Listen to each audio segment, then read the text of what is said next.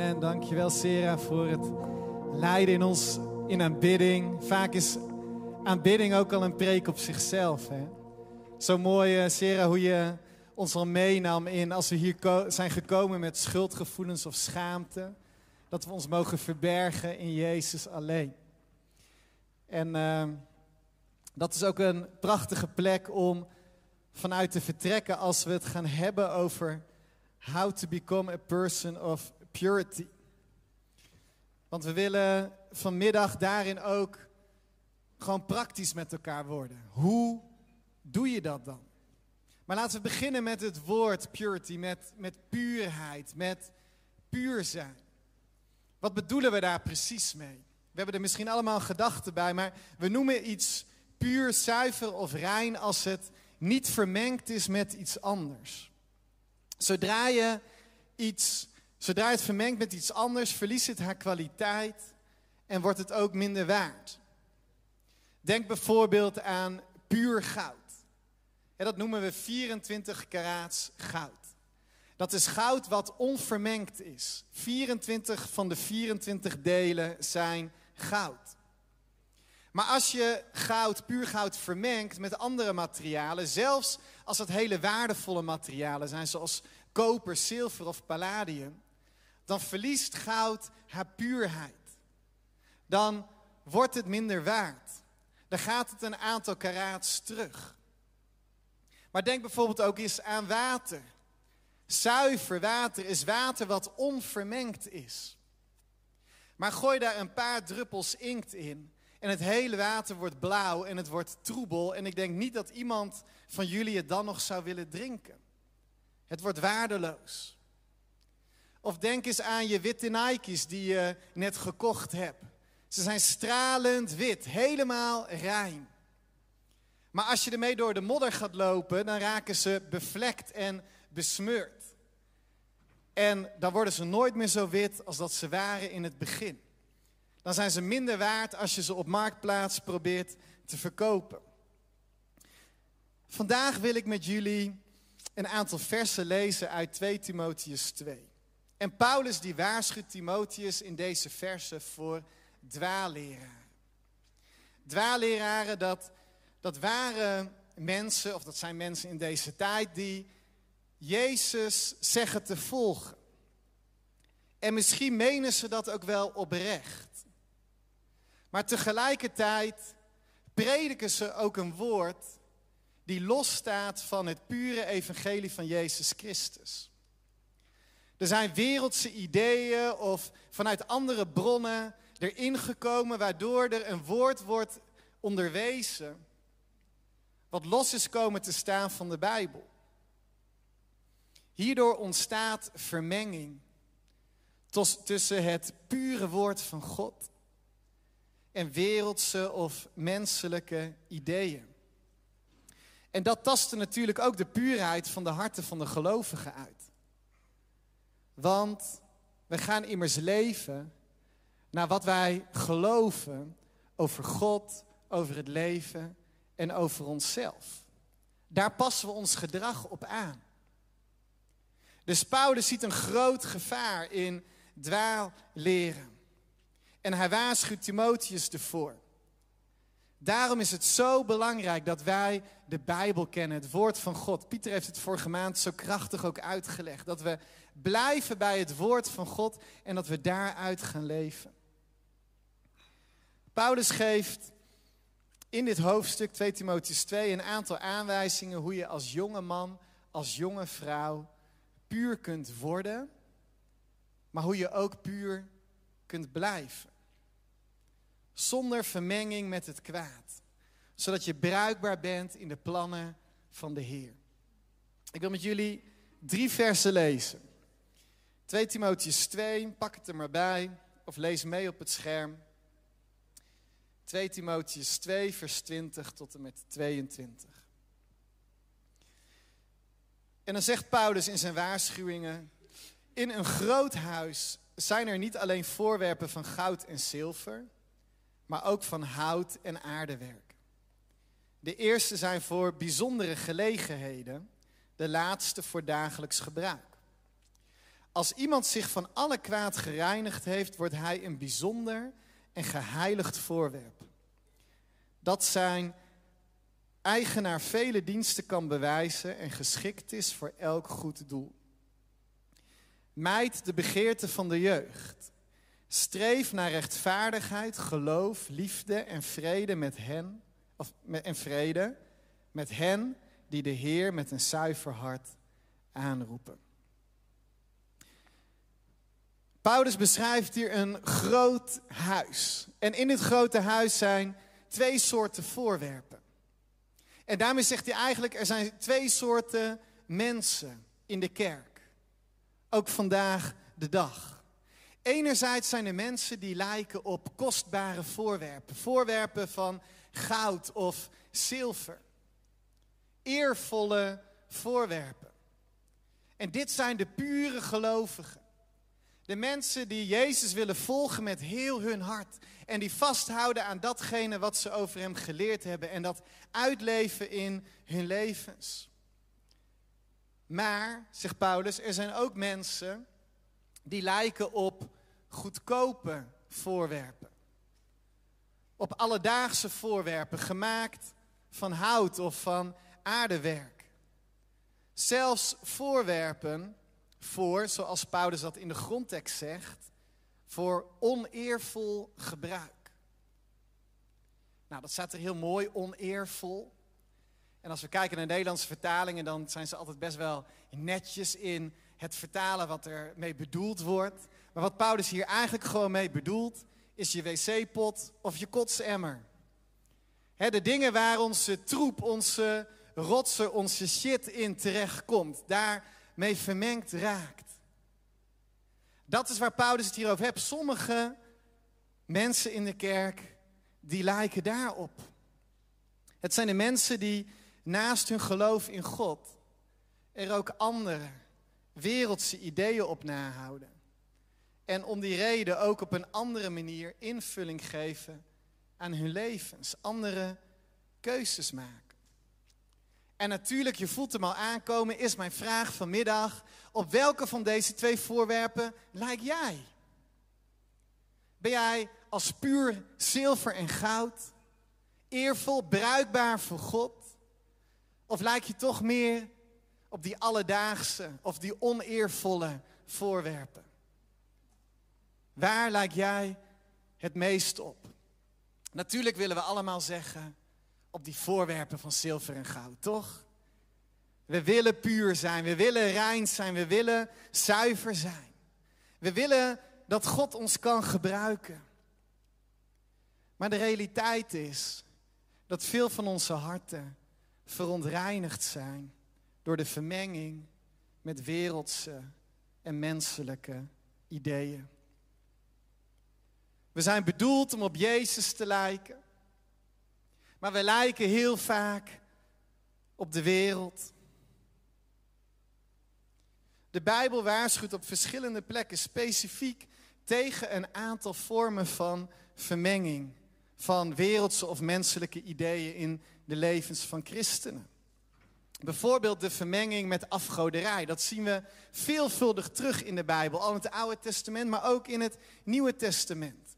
Dan zien we hoe God verafschuwt dat de praktijk van de afgodendienst vermengd raakt met de christelijke praktijk. Of de eerst de Joodse praktijk en daarna de christelijke praktijk. Dat we dingen zijn gaan doen die helemaal niks te maken hebben met het christelijk geloof, maar komen uit de afgodendienst of zoals in onze tijd vanuit andere godsdiensten. Dat christenen zich bezighouden met dingen als yoga of horoscopen of kijken naar occulte films. Dat is een vermenging waar we niets mee zouden te maken moeten willen hebben. Een andere vermenging die Paulus veelvuldig beschrijft, is die van hebzucht. Hebzucht betekent het onvervulde verlangen naar altijd maar meer. Meer geld, meer spullen, meer eten, meer aanzien, meer populariteit, meer genot. Alsof Jezus niet genoeg voor ons is. En alsof we denken dat de wereld ons iets te bieden heeft. En als derde spreekt de Bijbel veelvuldig over de vermenging door seksuele immoraliteit. Seks zoals God het bedoeld heeft, is puur, is prachtig. Het laat zelfs iets heel moois zien van God zelf. Maar wat de wereld ervan gemaakt heeft, staat ver af bij het oorspronkelijke beeld over seks. En daar willen wij als christenen toch helemaal niets mee te maken hebben. Waarom kijken we dan soms meer naar wat de wereld zegt en doet op het gebied van seks, dan wat Gods woord, de Bijbel, daarover te zeggen heeft? Ik ben hier niet om te veroordelen. We kennen allemaal de worsteling met onreinheid. En ik ook zeker. Ik ben niet beter dan jij. Zo heb ik zelf jarenlang geworsteld met pornografie. Oh, ik wilde heel graag voor God leven. Ik wilde zo graag puur voor Hem staan. Ik wilde zuiver zijn, maar steeds opnieuw werd ik getrokken naar een plek die mijn hart vergiftigde. Die mijn hart ziek maakte. Ik zat in een cyclus die veel van jullie zullen herkennen. Als je ook met pornografie worstelde of worstelt. Of misschien als je met iets heel anders worstelt, zul je hem alsnog herkennen. Deze cyclus zag er als volgt uit. Ik kwam op het punt dat ik naar porno keek. Ik kreeg daarna schuldgevoel. En ik schaamde me naar God. Ik sprak oprecht spijt uit. En vroeg vergeving voor mijn zonde. En daarna herken je die, ik besloot dat ik het nooit meer zou doen. Om tenslotte, na een paar weken, soms al de volgende dag, op weer precies dezelfde plek terecht te komen. Zoveel van ons zitten in een cyclus van onreinheid. We willen puur zijn, we willen zuiver zijn, we willen rein zijn. Maar het lukt ons niet om die cyclus te verbreken. We komen steeds weer opnieuw terecht op hetzelfde punt. En ook als onze spijten en onze schaamte en schuld oprecht. En ook als het oprecht dat we God beloven, we zullen het nooit meer doen. Toch komen we steeds opnieuw weer terug op die plek. Het is een destructieve cyclus in het leven van iedere christen. Want deze cyclus, die ontneemt jou je autoriteit als christen. Je voelt je niet in je kracht staan. Je voelt je niet bruikbaar voor God. Je voelt je falen, je voelt je zwak. Wat ben ik nou waard? Maar het ontneemt ook je identiteit. Je weet niet meer wie je bent. Je kunt niet meer geloven wat God over jou te zeggen heeft. Het ontneemt je tenslotte ook je intimiteit. Door je schaamte, je schuld, durf je niet meer te komen in de tegenwoordigheid van God. En je keert je van hem af. Je verstopt je. Je blijft op afstand. De vermenging met onreinheid is een uiterst doeltreffend wapen van Satan. Om prachtige en buitengewoon begaafde jonge mensen uit te schakelen voor het koninkrijk van God. Ja, we willen zijn als puur goud, als zilveren voorwerpen in het huis van de Heer. Maar als we eerlijk zijn, lijken we vaak meer op aardse of aardewerken, op houten voorwerpen. Vies, oneervol, onbruikbaar voor het werk van God. Maar gelukkig is er goed nieuws. Amen. En dat zien we al gelijk in deze drie versen.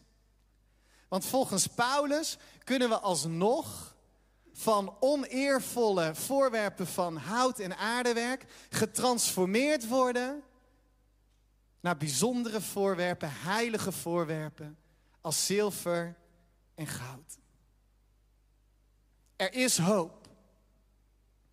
Maar dat vraagt wel iets van ons. Holding nothing back betekent dat wij alles op alles zetten. Dat we radicaal zijn. Dat we tot het uiterste gaan om puur, zuiver en rein voor onze Heer te staan. Ben jij daartoe bereid? Waar zijn de kinderen van God die verlangen naar puurheid zoals God daar zelf naar verlangt? Waar zijn de gelovigen die zuiverheid als hun hoogste goed beschouwen? Waar zijn de jonge mannen en de jonge vrouwen die zich willen inspannen voor reinheid zonder enige terughoudendheid? Paulus geeft ons in deze slechts enkele versen vier instructies. How to become a person of purity. En het eerste, we hebben er net zo mooi over gezongen. Was de zonde van je af. Beleid je zonde aan de Heer en ontvang vergeving voor je misstappen. En misschien is dat een stap die jij vandaag opnieuw mag zetten. Omdat je opnieuw naar deze kerk bent gegaan en ik wil je daarvoor eren dat je bent gekomen met gevoelens van schaamte en schuld. Laat het opnieuw van je afwassen. Beleid je zonde. Ren naar Jezus toe. Hij is trouw. Het bloed van Jezus was je schoon en reinigt je van alle kwaad. En misschien denk jij, maar daar kom ik weer aan. Voor de zoveelste keer. Om weer hetzelfde te beleden wat ik al zo vaak heb beleden. God ziet me aankomen met hetzelfde verhaal. Hoe hypocriet. Maar dat is niet waar. Dat is niet hoe God naar jou kijkt. God vindt vreugde in harten die verlangen naar Hem. God vindt vreugde in harten die puur willen zijn voor Hem. En elke keer als jij de misten bent gegaan, staat Hij weer met armen wijd open om jou te ontvangen. Hij kijkt al naar je uit dat je terugrent in Zijn armen. Hij verheugt zich in harten die s'nachts wakker liggen omdat ze zo balen dat ze het weer verkloot hebben. God houdt van harten die uitreiken naar Hem, ook als het misgaat. God verheugt zich daarin. En hij nodigt jou uit om opnieuw bij hem te komen, zodat hij jou kan reinigen. En jou een nieuw begin te geven. Al is het voor de zoveelste keer. Je hebt pas echt een probleem als je je bij je onreinheid neerlegt en denkt, het gaat me toch nooit lukken. Of als je het accepteert. Ik vind het eigenlijk helemaal niet zo erg, iedereen doet dit toch. Het hoort nou eenmaal bij mij. Als je op die plek bent gekomen, dan heb je pas echt een probleem. Laat het kwaad niet winnen. Maak je klein voor de Heer, elke keer opnieuw als dat nodig is. En aanvaard zijn vergeving, zijn nieuwe begin. Dit is hoe je puur wordt. Elke keer als je hebt gefaald. Dit is hoe je puur wordt. En heel vaak stoppen preken hier, toch? Ja, we moeten weer naar het kruis. We mogen ons weer laten schoonwassen door het bloed van Jezus. Maar lieve gelovigen, lieve vrienden, Jezus wil ons niet alleen puur maken. Hij wil ook dat we puur blijven zodat we vol in onze autoriteit kunnen staan, krachtig voor zijn werk. Zodat we weten wie we zijn en kunnen uitleven wat hij in ons heeft gelegd. Zodat we intiem met hem kunnen zijn en dicht bij hem kunnen komen. En daarom stopt Paulus niet met de schoonwassing van zonde. Maar spoort hij ons ook aan in de volgende drie instructies hoe we ook puur en zuiver kunnen blijven. De tweede instructie die hij geeft is ga slechte verlangens die horen bij je jeugd uit de weg. De tekst zegt mijt jeugdige begeerte. Of andere vertalingen zeggen vlucht van jeugdige begeerte. Zorg dat je hier ver bij uit de buurt blijft. En mag ik vanmiddag even eerlijk worden? Ik denk dat wij hierin echt veel radicaler mogen worden. Als de geesten en de demonen over je beeldscherm vliegen, is dat dan een film of een serie die je zou moeten kijken? Of een game die je zou moeten spelen? Wij hebben toch niks met die wereld van doen. Wat heb je daar te zoeken? Als liedjes in de discotheek worden gedraaid waarin overspel en losbandigheid worden gevierd, moet je dan dronken en twerkend meeblaren met die liedjes? Daar wil je toch niet, daar wil je toch niet door laten voeden, daar wil je toch ver van blijven. Als die ene app jou iedere keer verleidt om verder te gaan dan dat je zou moeten gaan, wat doet die app dan nog op je telefoon? Moet je überhaupt je telefoon nog meenemen naar je slaapkamer? Je wilt toch breken met die destructieve cyclus? Als je weet wat God te zeggen heeft over seks en het huwelijk en jezelf bewaren, waarom lig je dan met je vriend of vriendin in één bed of überhaupt op één kamer? Waarom het jezelf zo moeilijk maken? Waarom het opzoeken? Waarom niet radicaler zijn?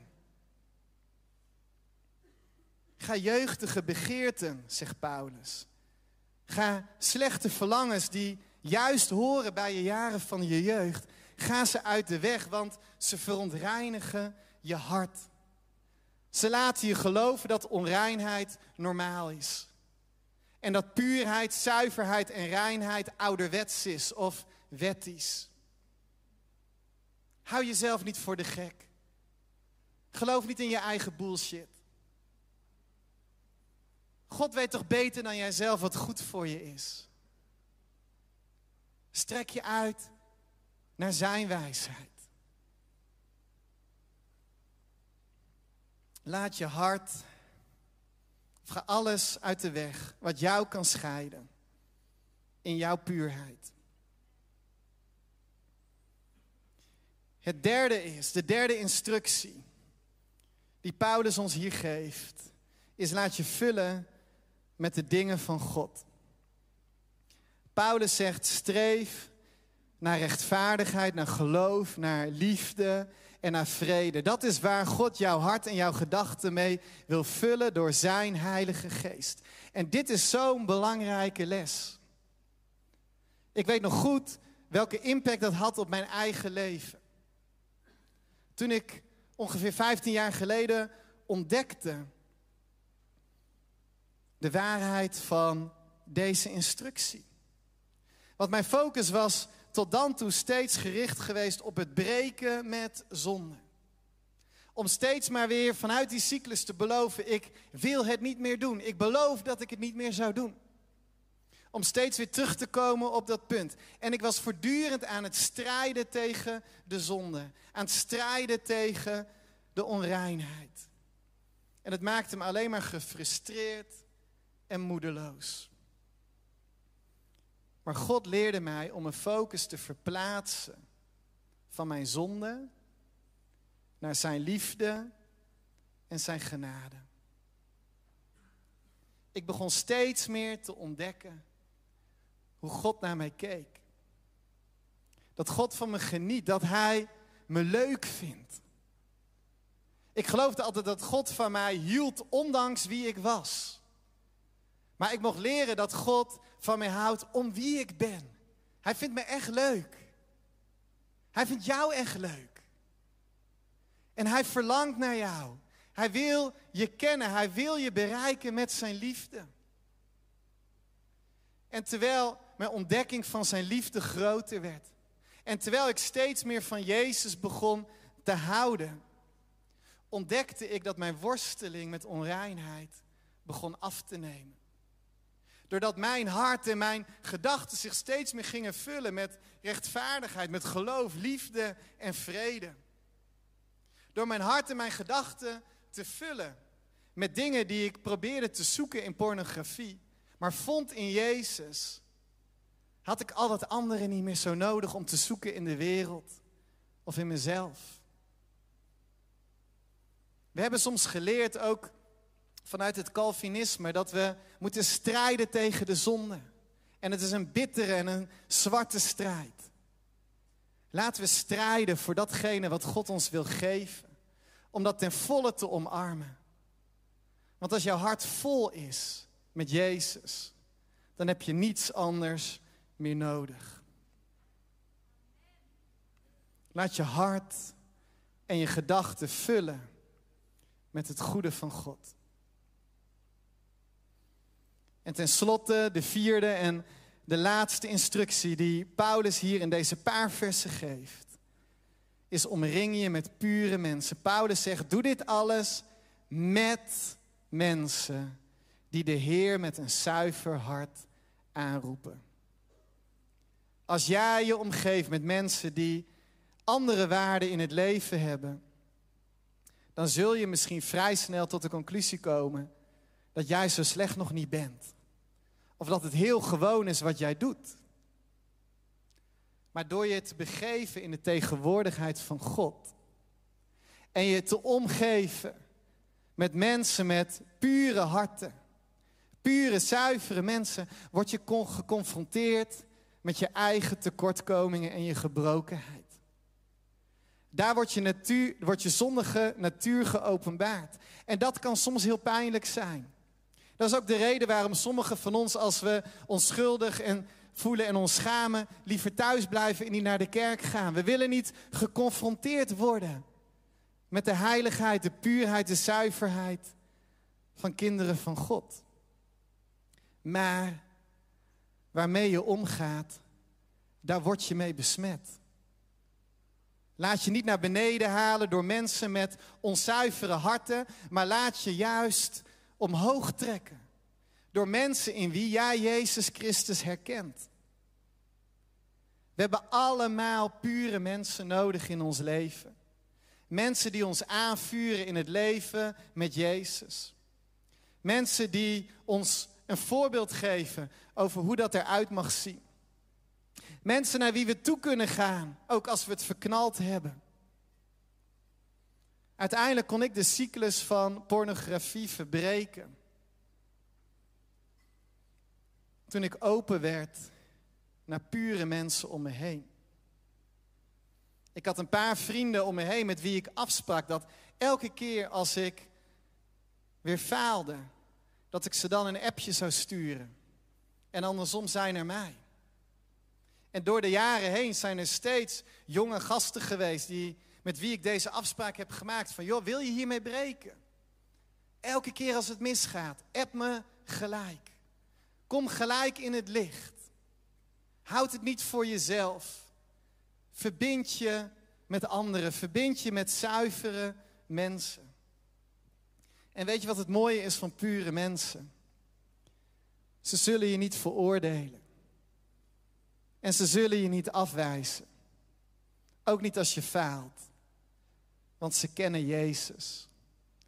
En ze leven vanuit dezelfde liefde en met dezelfde genade als die voorhanden is voor jou. En zo zullen ze je ook behandelen. Ja, het vraagt iets om puur te zijn. Het vraagt niets om puur te worden. Dat is het werk van Jezus Christus in jou. Iedere keer opnieuw als jij buigt voor het kruis en je laat schoonwassen door zijn bloed. Maar het vraagt iets als je puur wil blijven. Om te komen uit je comfortzone. Om echt radicaal te zijn. Om dwars tegen de wereld in te gaan. Door het mijden van jeugdige begeerten. Door je hart en je gedachten te laten vullen met de dingen van God. Door je te omringen en echt open te stellen naar pure en zuivere mensen die Jezus kennen. Het vraagt wat, het kost wat.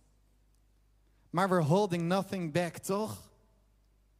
Want zo word je steeds meer en meer getransformeerd van een oneervol vol voorbeeld voorwerp van hout en aardewerk naar een prachtig, bijzonder en heilig voorwerp, bruikbaar voor de dienst van God. De allermooiste belofte in de Bijbel vind ik in Matthäus 5, vers 8. Waarin Jezus zegt, gelukkig wie zuiver van hart zijn.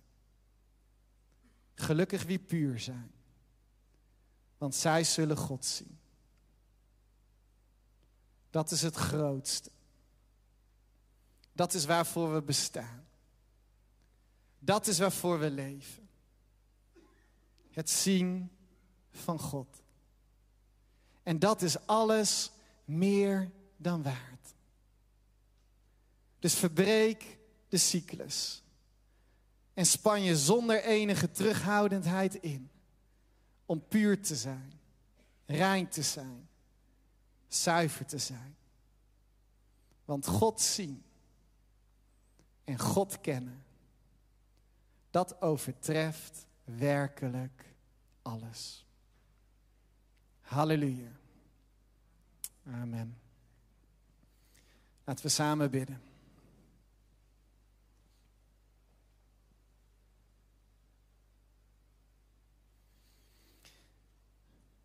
Dank u, Jezus. Dank u voor uw bloed. Dank u dat uw offer genoeg was, ook voor mij. Dank u wel dat u mij aanneemt. Ook als ik het verknald heb en heb gefaald.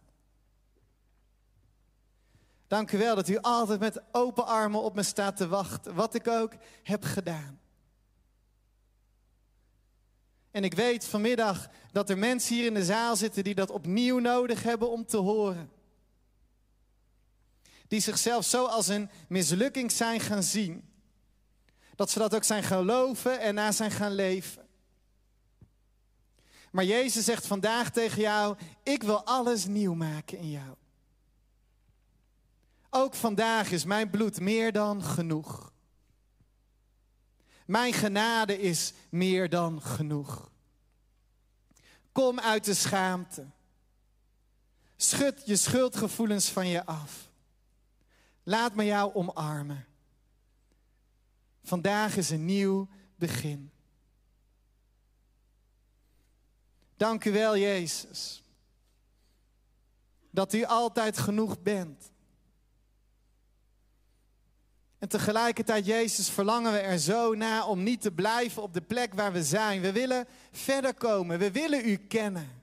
We willen u zien. En we weten dat onze onzuivere harten, onze onpure harten, onze onreine harten ons wegtrekken van u en het plan wat u heeft met onze levens. We willen er geen genoegen mee nemen om te blijven in die cyclus en steeds op dezelfde plek terecht te komen. We verlangen ernaar om getransformeerd te worden. Tot eervolle voorwerpen van puur zilver en puur goud, bruikbaar in uw dienst. En daarom roepen we uw naam aan. Heer, kom en vul onze levens, vul onze harten en onze gedachten met uw waarheid. Laat het puur zijn. Niet met ideeën van mensen of ideeën die de wereld ons geeft, maar puur uw woord en uw waarheid, uw wijsheid.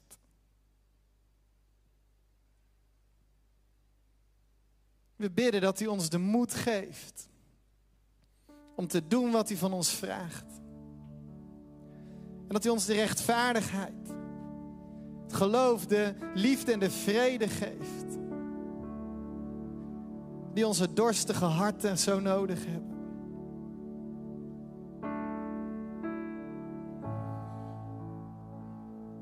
Heer, dat u ons uw geest geeft.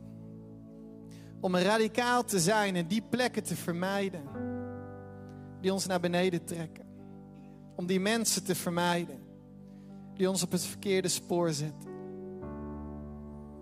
We hebben u zo hard nodig. Maar we zeggen, Heer, hier zijn wij. We willen zonder enige terughoudendheid, holding nothing back ons inspannen voor datgene waar u in gelooft. Wij geloven in u.